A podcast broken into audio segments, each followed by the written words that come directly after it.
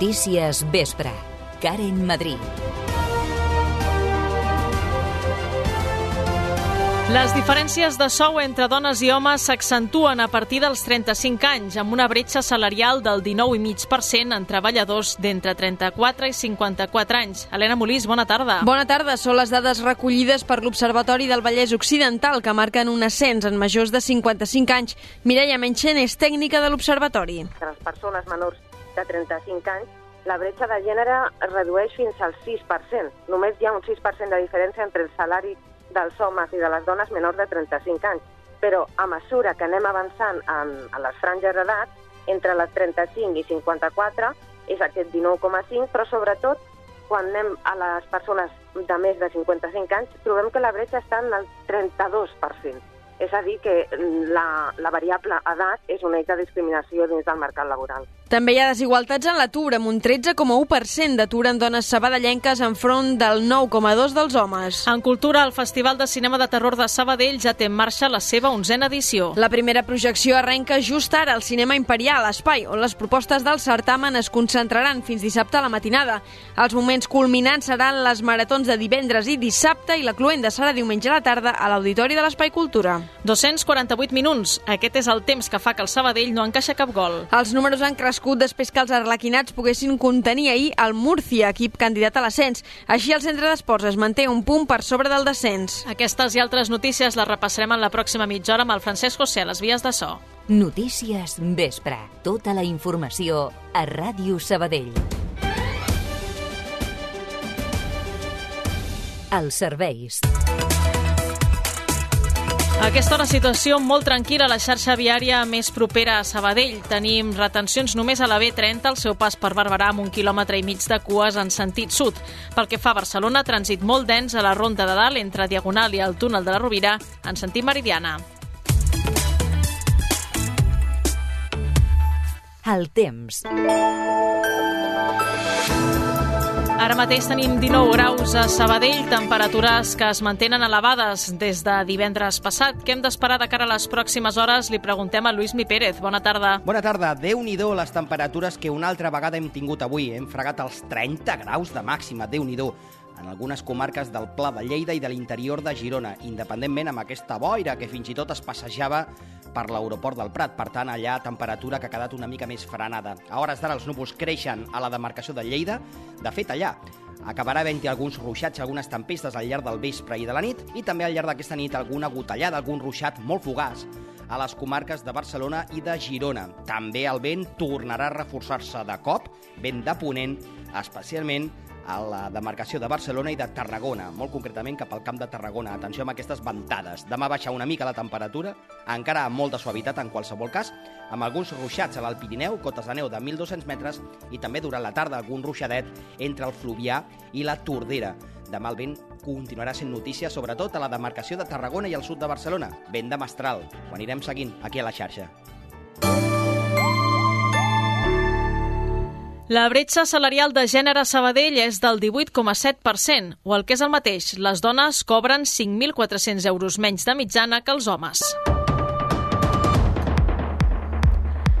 Així ho recull l'últim informe sobre desigualtats en el mercat laboral per l'Observatori Comarcal. Les diferències de sou també s'accentuen segons l'edat i a partir dels 35 anys van a més. La bretxa salarial entre dones i homes és del 19,5% entre el 35 i els 54 anys, mentre que en els majors de 55 puja fins al 29%. En canvi, Sabadell té la singularitat de comptar amb dones millor retribuïdes que no pas els homes quan són menors de 35 anys. Així ho ha detallat la tècnica de l'Observatori Comarcal, Mireia Menchen en una entrevista al Cafè de la Ràdio. El que sí que hi ha a Sabadell diferent, per exemple, de la comarca, és que la, la franja d'edat menor de 35 anys cobren més les dones, un 13% més. Llavors aquí sí que hi ha aquesta, aquesta diferència i després eh, no és tan acusada la diferència entre els 55 anys, que és del 28, 29%, és a dir, dos punts a sota, però aquí la diferència la trobem en el cas de Sabadell, les persones menors que cobren més les dones que, que els homes. A més de la bretxa salarial, les desigualtats entre dones i homes també s'evidencien a la taxa d'atur, que és del 13,1% en el col·lectiu femení pel 9,2% en el masculí i en la temporalitat dels contractes. 3 de cada 10 contractes signats a temps parcial són per dones, una dada que es rebaixa fins al 13% en el cas dels homes.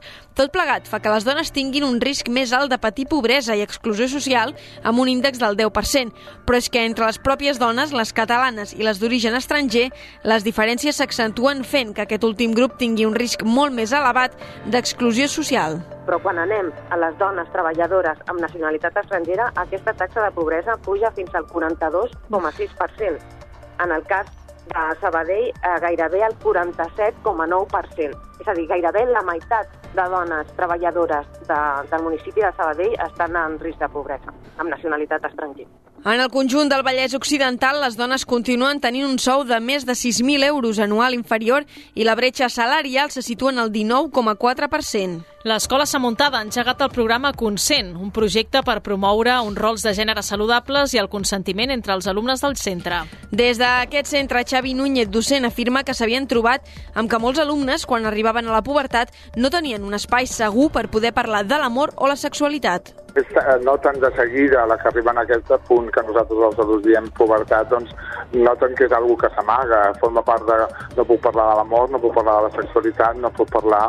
I llavors comencen a descobrir de seguida que aquests no puc parlar, no? I nosaltres a l'escola diem sí que en podem Sí. parlar i, i ara doncs sí que en podem parlar, parlar formades, no? I llavors això també és una, un plus més, no? La sensació de més seguretat per part del docent i alhora doncs el nen i la nena ho viu des d'aquí, no? Des d'aquest entorn de, més de segur, d'espai segur. Amb aquest programa Consent, des del claustre de professors volen trencar amb aquestes dinàmiques i remarquen la importància d'impulsar espais com aquest. Nosaltres el que hem anat construint durant aquest temps és espai segur on, on el consentiment es parla, es conversa, es demana, s'exigeix, si no cal, i sobretot per, per aquesta relació des de l'amor i des de les cures, i, i per tant és algo que per nosaltres ha sigut molt important, almenys algunes persones del claustre, ja et dic perquè tot està canviant, Sí. però llavors el que sí ara sentim com a claustre i com a escola és que és una necessitat anar trencant doncs, aquest tabú de l'amor, aquest tabú de la sexualitat, Les famílies també juguen un rol important en aquest programa, amb un espai on també poden compartir dubtes o inquietuds que tinguin dels seus fills. I els pensionistes de Sabadell creuen que la reforma del sistema de pensions pactada entre el govern espanyol i Brussel·les és insuficient. Tere Ibáñez, representant del col·lectiu Iaio Flautes de Sabadell i de Marea Pensionista, ha apuntat altres mesures necessàries per fer créixer la caixa de les pensions. el que tindrien que fer és augmentar els salaris, està clar, i en tot això el que farien és incorporar més cèntims dintre del sistema públic de pensions.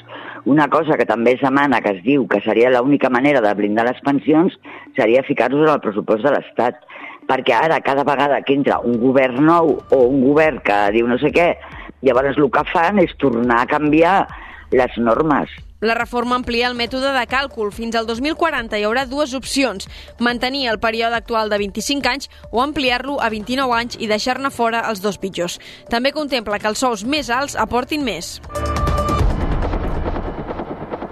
A Fira Sabadell del 30 de març a l'1 d'abril se celebrarà la Fira Silver Vallès, adreçada a la generació sènior. Es tracta d'un esdeveniment que recull el testimoni de la Fira Sènior. Montse González, tinenta d'alcaldessa de Desenvolupament Econòmic i Impuls Administratiu, diu que l'augment de l'envelliment de la població genera noves oportunitats empresarials. A més a més, aquesta situació genera doncs, eh, interessants oportunitats empresarials eh, i professionals, com els sectors de la salut, com deia, l'alimentació, el benestar, el condicionament físic, la nutrició, la bellesa, la cura personal, no? Eh, tot això, com deia, ha anat canviant al llarg dels anys i ara tenim persones perfectament actives amb 60, 70 i més allà. Per aquesta ocasió, Sabadell s'ajunta també amb els municipis de Badia, Castellà i Cerdanyola, amb finançament de la Diputació de Barcelona, que va apostar pel treball conjunt. Vam decidir que volíem centrar-ho en la Silver Economy i aquest projecte el vam anomenar Activa Vallès més 60. El primer que es va fer va ser un estudi del territori i vam detectar doncs, una important concentració d'empreses i recursos vinculats a aquesta Silver Economy, com deia. A més d'universitats i centres de recerca, doncs, hem identificat a través d'aquest estudi 152 empreses i entitats en el conjunt dels municipis dedicats a oferir productes i serveis a aquestes persones d'aquesta franja d'edat. Les 152 empreses detectades al sector empleen a gairebé 2.500 professionals. Notícies Vespre. La salut mental encara no està integrada en els hàbits de la ciutadania, un fet que suposa un llast per superar aquestes dolències. Així ho ha lamentat aquesta emissora al cap d'àrea de salut mental del Taulí, el doctor Sidara Cebillo. Coincidint amb el Dia Mundial de la Depressió, Cebillo assenyala els deures que tenim pendents. Tenim molt uh, altres aspectes de la salut, no? Tothom entén que és bo exercici, tothom entén que, jo què sé, que bueno, hauríem d'entendre que fumar no, no ens va bé, no?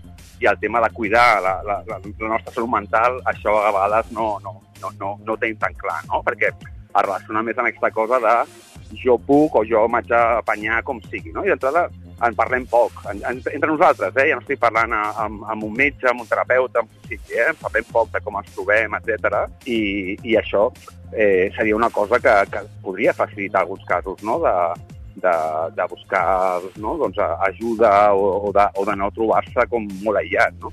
Una de les afectades, Laia Martínez, lamenta que la malaltia sovint no es veu de portes en fora.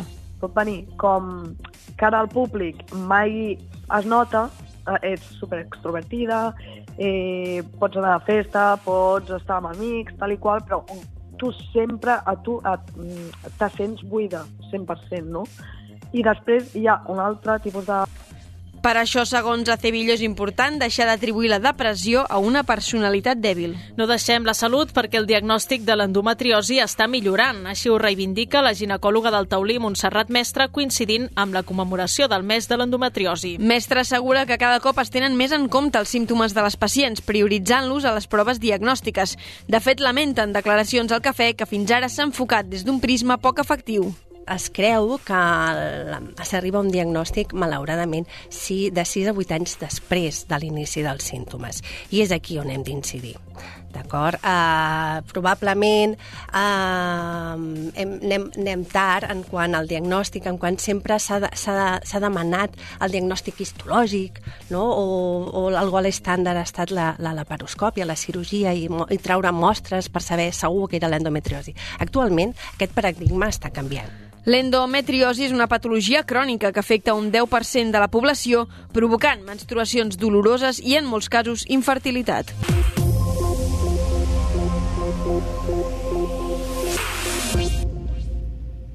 Ràdio Sabadell. Notícies Vespre. Els pagesos de l'Olivera que conreen les vinyes del Via Raona del Parc Agrari estan buscant eines alternatives per evitar els efectes de la sequera. Així ho ha explicat en una entrevista al programa El Cafè Íñigo Houhi, de l'Olivera. A poc a poc s'haurà d'anar pensant en nous mecanismes per intentar eh, generar estalvi d'aigua en el sentit de, de, de com compensar a nivell agronòmic aquesta manca d'aigua. Hi ha tècniques agronòmiques que es van aplicant a poc a poc. És veritat que, per exemple, un tema com les cobertes vegetals, que es treballa molt, eh, s'està mirant molt quin és l'impacte, eh, mecanismes com el mulching, que són mecanismes que es practiquen molt a l'horta i a la vinya s'estan començant a fer alguns experiments. Nosaltres mateixos, l'Olivera, estem fent experiments amb mulching, amb, amb closca d'ametlla, eh, ficada sota el cep per veure si ens aguanta una mica les humitats i aquestes aigües. Des de l'Olivera esperen que la primavera arribi amb precipitacions. Sí, Houhi ha admès que si la nova estació no arriba amb pluges entraran en una situació crítica. De fet, els pagesos admeten que la sequera els ha fet la guitza durant els últims 3 anys. De moment estem tenint un any molt sec, com la resta d'anys, però confiem en, en que la primavera ens porti, ens porti aigua.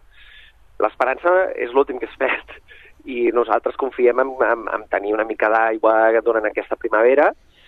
En cas que no fos així, doncs segurament estaríem trobant-nos en una situació bastant crítica, perquè estaríem parlant d'un tercer any consecutiu amb manca d'aigua i, per tant, això ens afectaria un altre cop directament sobre, sobre la qualitat i sobre la quantitat del cultiu. La vinya és un cultiu de secà, és a dir, que només es rega amb aigua de la pluja. És per això que els pagesos s'han hagut de posar creatius. Avui també és notícia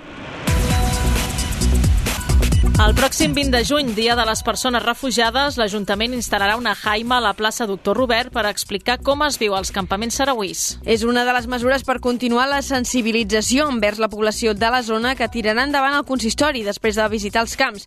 La tinenta d'alcaldessa de Drets Civils i Participació, Marta Morell, es mostra satisfeta de la tasca que ja s'està fent des del govern local. Se'ns va posar molt en el, en el centre per part de totes les persones amb les que vam fer reunions que era vital arribar als joves de la nostra ciutat i en aquest sentit a mi sí que m'agradaria dir que nosaltres a Sabadell com a municipi ja fem coses que altres municipis eh, no fan i és aquesta sensibilització a les persones joves. Pròximament es farà una reunió conjunta per establir un full de ruta conjunt entre l'Ajuntament i les dues entitats que treballen sobre el terreny amb el consistori, TAC i Vallès Wilaya. 168 proves oculars al vestíbul del Taulí en el marc de la Setmana Mundial del Glaucoma. Quatre professionals del Servei d'Oftalmologia han derivat a 18 persones després de fer proves de manera ràpida i senzilla. Una d'elles ha estat diagnosticada amb glaucoma. El resultat s'ha pogut obtenir en dos minuts. El Taulí fa una norantena de visites setmanals a pacients amb glaucoma per fer fer-los un seguiment. Febrer de pujada a l'aeroport de Sabadell respecte al 2019. L'aeroport va registrar 488 usuaris durant el segon mes del 2023, el que representa un 49,2% més que ara fa 4 anys. Això és un 3% més que el 2022. Amb 3.728 moviments d'aeronaus, consolida el 98% de les operacions del mateix mes de 2019. Detinguts dos treballadors de la residència al Serrat de Vacarisses per haver agredit un usuari del centre amb Alzheimer. Les càmeres de seguretat de l'equipament equipament van enregistrar com colpejaven l'home. Els agents dels Mossos d'Esquadra van detenir un home i una dona per un delicte de tracte vexatori. Segons el cas, un d'ells ha ingressat a presó per ordre del jutge de Guàrdia de Terrassa i l'altre ha quedat en llibertat amb càrrecs. La policia ha obert una investigació per aclarir els fets. Parlem de música i més concretament de Copla, i és que Sabadell compta amb l'arxiu de Copla més gran del món.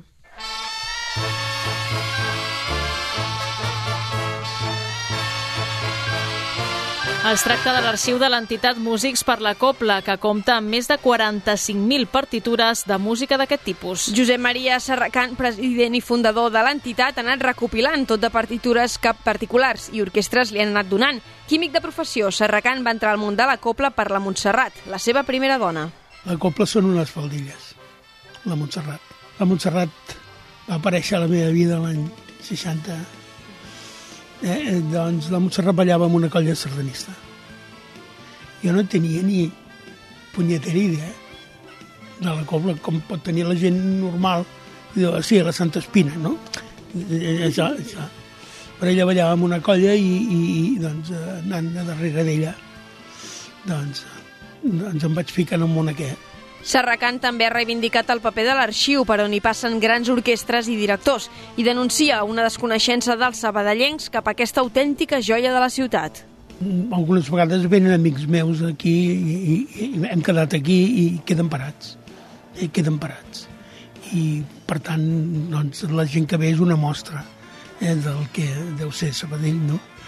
Eh, I, i és clar que, que ens agradaria que, que, es difongués més, però és que no tenim projecció sabadellanca, la projecció nostra sabadellanca és, és, és petita, eh, la, la directa, la que tenim, que és amb les cobles d'aquí, tot plegat. Però, és clar, no, nosaltres, eh, la nostra funció abarca tot el Principat, tens, i, i per tant, hi, hi, ha, hi ha més gent de fora que ho coneixen que no eh, sabadellancs. L'arxiu també compta amb una sala de gravacions on hi toquen diverses cobles del país. I just a aquesta hora arrenca l'onzena edició del Festival de Cinema de Terror de Sabadell.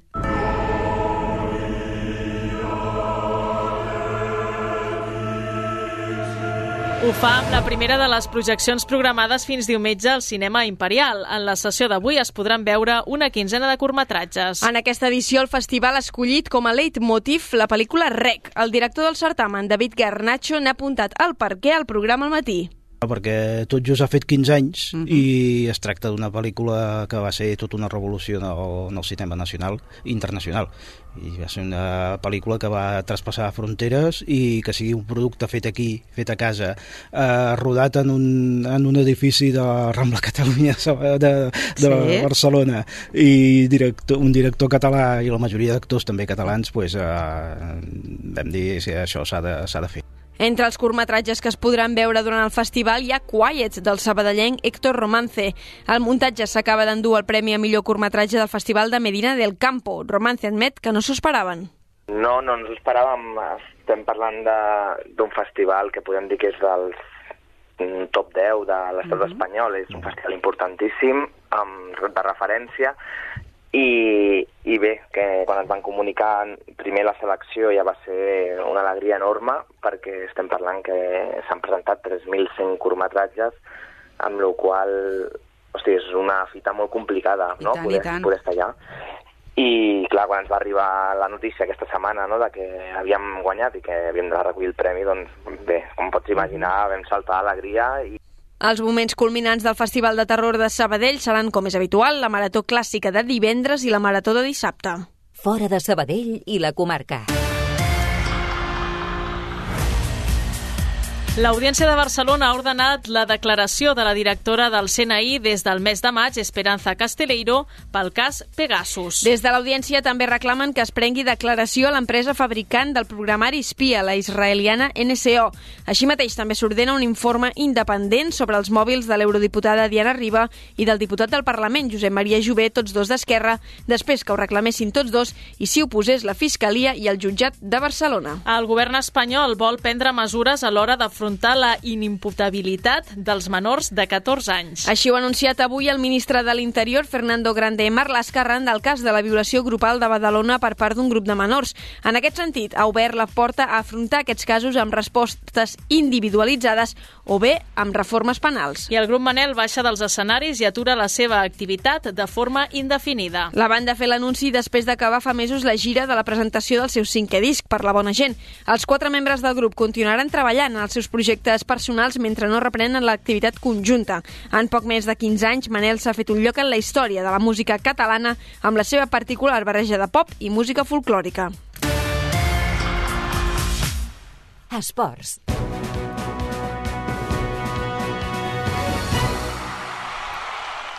El centre d'esports acumula ja 248 minuts més als afegits sense encaixar cap gol.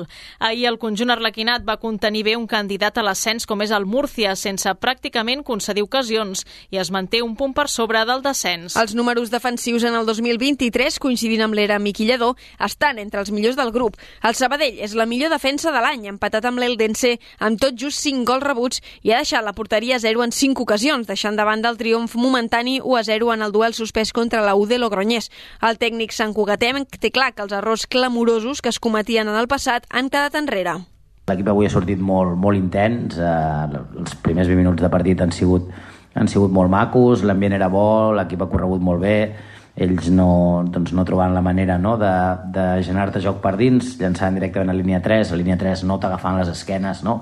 situacions que a vegades doncs, han pogut passar anteriorment no, no n'ha passat cap, és a dir, crec que, no, excepció, repeteixo, no, de, el moment aquest no, de, de l'Àlex amb aquest excés de, de confiança crec que no hi ha hagut cap errada de cap jugador, que crec que és, que és eh, una, molt bona, una molt bona notícia eh, per ells individualment i, i, no, i per la suma de les parts eh, i el que fan com a equip.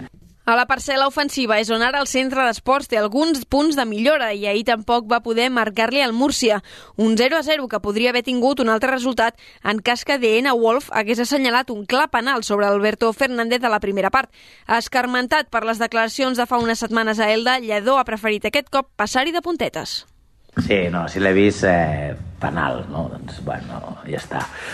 Uh, arribarà, no? Quantes setmanes són? No, moltes, no? un any, any i mig, no sé quantes són, arribarà, arribarà. Ja ens el, ja ens el pitaran i, i arribarà. Alberto, a més, va ser un dels set amonestats al Sabadell i es perdrà el partit d'aquest dissabte al camp del CUE Bilbao Atlètic per acumulació de grogues. Per la seva part, el filial del Centre d'Esports ha escalat un altre lloc a la classificació del grup 2 de primera catalana.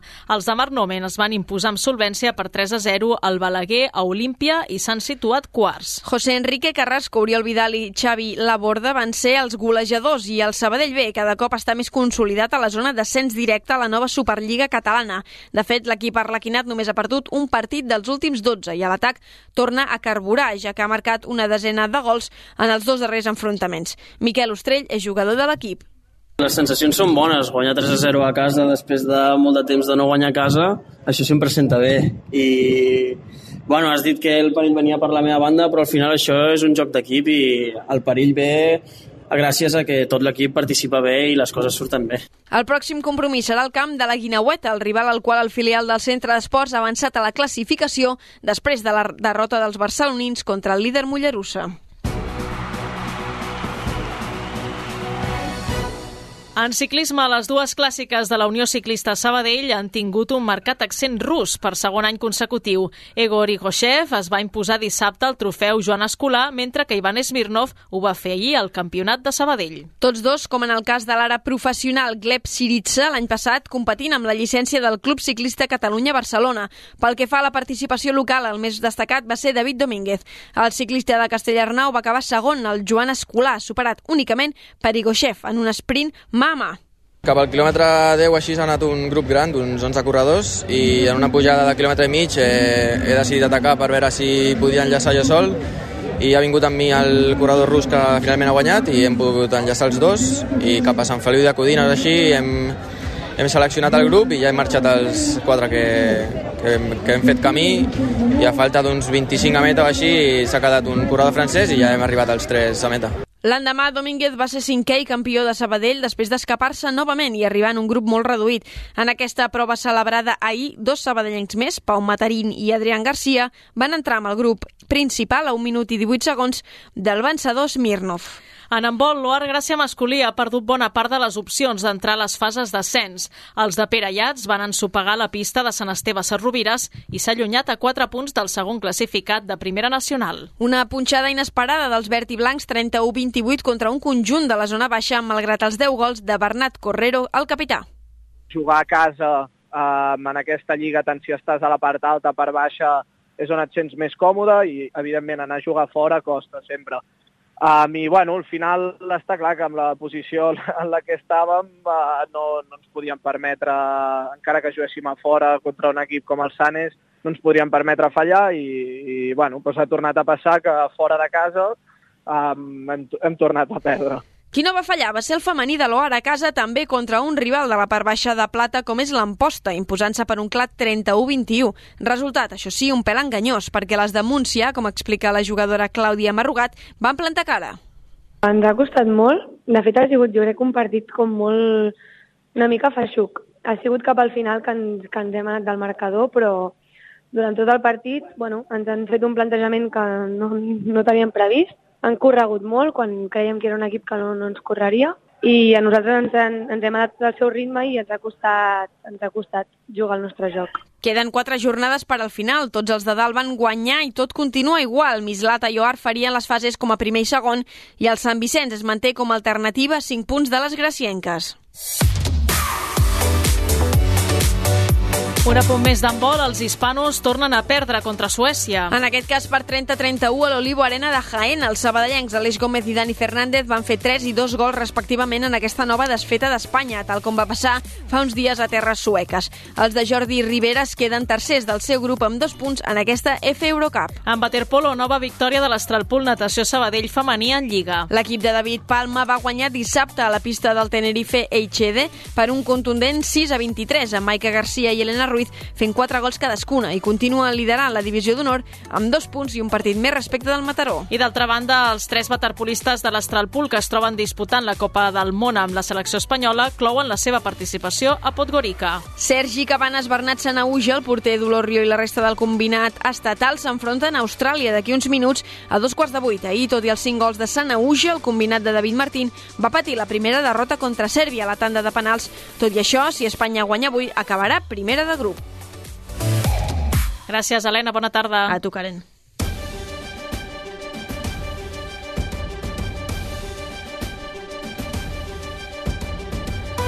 Menys d'un minut per dos quarts de vuit és moment de posar punt final al Notícies Vespre d'aquest dilluns 13 de març. Recordant-vos que tot el que us hem explicat aquesta mitja hora ho podeu trobar ampliat al portal web radiosabadell.fm.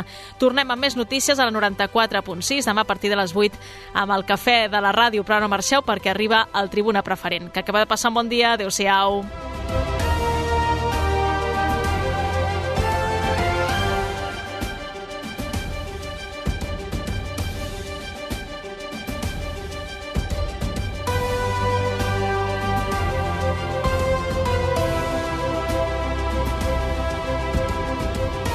on siguis, escolta'ns online. En directe.radiosabadell.fm